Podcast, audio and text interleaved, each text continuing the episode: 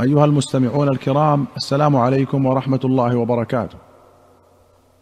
في كتاب الفضائل أخرج البخاري عن عبد الله بن عمر رضي الله عنهما كان يحدث عن رسول الله صلى الله عليه وسلم أنه لقي زيد بن عمرو بن نفيل بأسفل بلدح قبل أن ينزل على النبي صلى الله عليه وسلم الوحي. فقدم إليه النبي صلى الله عليه وسلم سفرة فيها لحم. فأبى أن يأكل منها. ثم قال زيد إني لا آكل مما تذبحون على أنصابكم. ولا آكل إلا ما ذكر اسم الله عليه. وأن زيد بن عمرو كان يعيب على قريش ذبائحهم ويقول الشاة خلقها الله وأنزل لها من السماء الماء وأنبت لها من الأرض ثم أنتم تذبحونها على غير اسم الله. انكارا لذلك واعظاما له. وفي رواية أن زيد بن عمرو بن نفيل خرج إلى الشام يسأل عن الدين ويبتغيه فلقي عالما من اليهود فسأله عن دينهم فقال إني لعلي أن أدين دينكم فأخبرني. قال لا تكون على ديننا حتى تأخذ بنصيبك من غضب الله. قال زيد ما أفر إلا من غضب الله ولا أحمل من غضب الله شيئا ابدا وأنا أستطيعه فهل تدلني على غيره؟ قال ما أعلمه إلا أن تكون حنيفا. قال زيد وما الحنيف؟ قال دين إبراهيم لم يكن يهوديا ولا نصرانيا ولا يعبد إلا الله. فخرج زيد فلقي عالما من النصارى فذكر مثله فقال لن تكون على ديننا حتى تأخذ بنصيبك من لعنة الله. قال ما أفر إلا من لعنة الله ولا أحمل من لعنة الله ولا من غضبه شيئا ابدا. وأنا أستطيع. فهل تدلني على غيره؟ قال ما أعلمه إلا أن تكون حنيفا. قال وما الحنيف؟ قال دين إبراهيم. لم يكن يهوديا ولا نصرانيا ولا يعبد إلا الله. فلما رأى زيد قولهم في إبراهيم عليه السلام خرج. فلما برز رفع يديه وقال اللهم اشهد أني على دين إبراهيم. السفرة كغرفة طعام المسافر وأكثر ما يحمل في جلد مستدير ويوضع تحته عند الأكل. فنقل الاسم إليه وسمي به كل ما يفرش تحت الطعام. وأخرج مسلم عن أبي أمامة الباهلي رضي الله عنه قال قال عمرو بن عبسة السلمي كنت وأنا في الجاهلية أظن أن الناس على ضلالة وأنهم ليسوا على شيء وهم يعبدون الأوثان. فسمعت برجل بمكة يخبر أخبارا فقعدت على راحلتي فقدمت عليه. فإذا رسول الله صلى الله عليه وسلم مستخفيا جرآء عليه قومه. فتلطفت حتى دخلت عليه بمكة. فقلت له ما أنت؟ فقال أنا نبي. فقلت وما نبي؟ قال أرسلني الله. فقلت فبأي شيء أرسلك؟ قال أرسلني بصلة الأرحام وكسر الأوثان وأن يوحد الله ولا يشرك به شيء. قلت له فمن معك على هذا؟ قال حر وعبد. قال ومعه يومئذ ممن آمن به أبو بكر وبلال. قلت إني متبعك. قال إنك لا تستطيع ذلك يومك هذا. ألا ترى حالي وحال الناس؟ ولكن ارجع إلى أهلك. فإذا سمعت بي قد ظهرت فأتني. قال فذهبت إلى أهلي.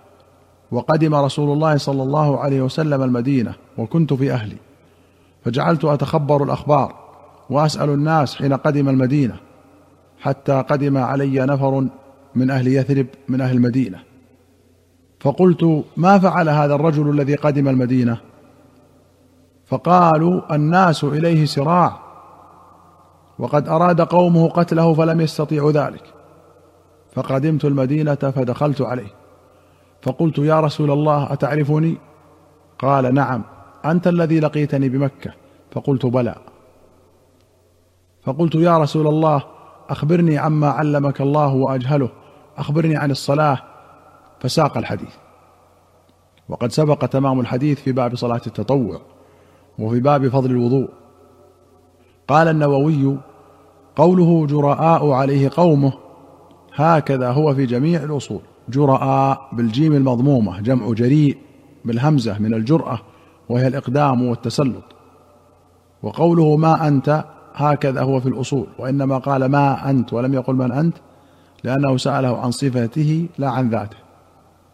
وأخرج مسلم عن عبد الله بن الصامت قال قال أبو ذر رضي الله عنه خرجنا من قومنا غفار وكانوا يحلون الشهر الحرام فخرجت أنا وأخي أنيس وأمنا فنزلنا على خال لنا فأكرمنا خالنا وأحسن إلينا فحسدنا قومه. فقالوا إنك إذا خرجت عن أهلك خالف إليهم أنيس.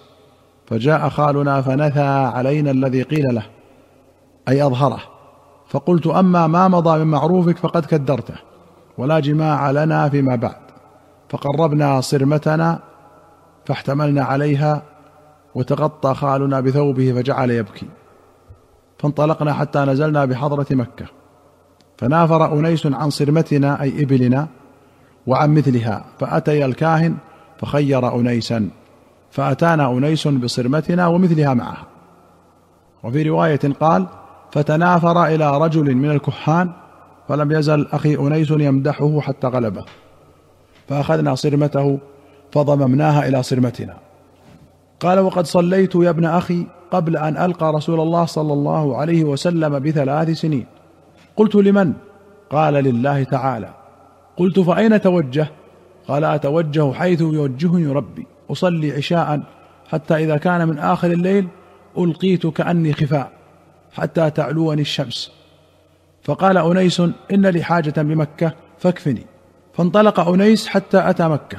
فراث علي ثم جاء. فقلت ما صنعت؟ قال لقيت رجلا بمكة على دينك يزعم أن الله أرسله. قلت فما يقول الناس؟ قال يقولون شاعر كاهن ساحر وكان أنيس أحد الشعراء. قال أنيس لقد سمعت قول الكهنة فما هو بقولهم؟ ولقد وضعت قوله على أقراء الشعراء فما يلتئم على لسان أحد بعدي أنه شعر. والله إنه لصادق وإنهم لكاذبون. قلت فاكفني حتى أذهب فأنظر. زاد بعض الرواة قال نعم وكن على حذر من أهل مكة فإنهم قد شنفوا له وتجهموا. فأتيت مكة فتضعفت رجلا منهم أي رأيته ضعيفا فقلت أين هذا الذي تدعونه الصابئ؟ فأشار إلي. فقال الصابئ فمال علي أهل الوادي بكل مدرة وعظم حتى خررت مغشيا علي. فارتفعت حين ارتفعت كأني نصب أحمر. فأتيت زمزم فغسلت عني الدماء وشربت من مائها. ولقد لبثت يا ابن أخي ثلاثين بين ليلة ويوم وما كان لي طعام إلا ماء زمزم. فسمنت حتى تكسرت عكن بطني وما وجدت على كبدي سخفة جوع. فبينما أهل مكة في ليلة قمراء إضحيان يعني مقمرة إذ ضرب على أصمختهم فما يطوف بالبيت أحد إلا امرأتان منهم تدعوان إسافا ونائلة. فأتتا علي في طوافهما فقلت انكحا أحدهما الأخرى. فما تناهتا عن قولهما. فأتتا علي فقلت هن مثل الخشبة غير أني لا أكني. فانطلقتا تولولان وتقولان لو كان ها هنا أحد من أنفارنا. فاستقبلهما رسول الله صلى الله عليه وسلم وأبو بكر وهما هابطان. قال ما لكما؟ قالت الصابئ بين الكعبة وأستارها. قال ما قال لكما؟ قالتا إنه قال لنا كلمة تملأ الفم. وجاء رسول الله صلى الله عليه وسلم حتى استلم الحجر وطاف بالبيت هو وصاحبه ثم صلى. فلما قضى صلاته قال أبو ذر فكنت أول من حياه بتحية الإسلام. فقلت السلام عليك يا رسول الله. فقال وعليك ورحمة الله. ثم قال ممن أنت؟ قلت من غفار. فأهوى بيده فوضع أصابعه على جبهته. فقلت في نفسي كره أني انتميت إلى غفار فذهبت آخذ بيده فقدعني صاحبه وكان أعلم به مني ثم رفع رأسه فقال متى كنت ها هنا؟ قلت كنت ها هنا منذ ثلاثين بين ليلة ويوم. قال فمن كان يطعمك؟ قلت ما كان لي طعام إلا ماء زمزم. فسمنت حتى تكسرت عكن بطني وما أجد على كبدي سخفة جوع. قال إنها مباركة إنها طعام طعم. فقال أبو بكر يا رسول الله اذا لي في طعامه الليلة. فانطلق رسول الله صلى الله عليه وسلم وأبو بكر وانطلقت معهما. ففتح أبو بكر بابا فجعل يقبض لنا من زبيب الطائف وكان ذلك أول طعام أكلته بها. ثم غبرت ما غبرت. ثم أتيت رسول الله صلى الله عليه وسلم فقال إنه قد وجهت لي أرض ذات نخل لا أراها إلا يثرب. فهل أنت مبلغ عني قومك؟ عسى الله أن ينفعهم بك ويأجرك فيهم. فأتيت أنيسا فقال ما صنعت؟ قلت صنعت أني قد أسلمت وصدقت. قال ما بي رغبة عن دينك فإني قد أسلمت وصدقت. فأتينا أمنا فقالت ما بي رغبة عن دينكما فإني قد أسلمت وصدقت. فاحتملنا حتى أتينا قومنا غفارا فأسلم نصفهم. وكان يؤمهم أيماء ابن رحضة الغفاري وكان سيدهم. وقال نصفهم إذا قدم رسول الله صلى الله عليه وسلم المدينة أسلمنا. فقدم رسول الله صلى الله عليه وسلم فأسلم نصفهم الباقي. وجاءت أسلم فقالوا يا رسول الله إخواننا نسلم على الذي اسلموا عليه. فأسلموا. فقال رسول الله صلى الله عليه وسلم غفار غفر الله لها واسلموا سالمها الله.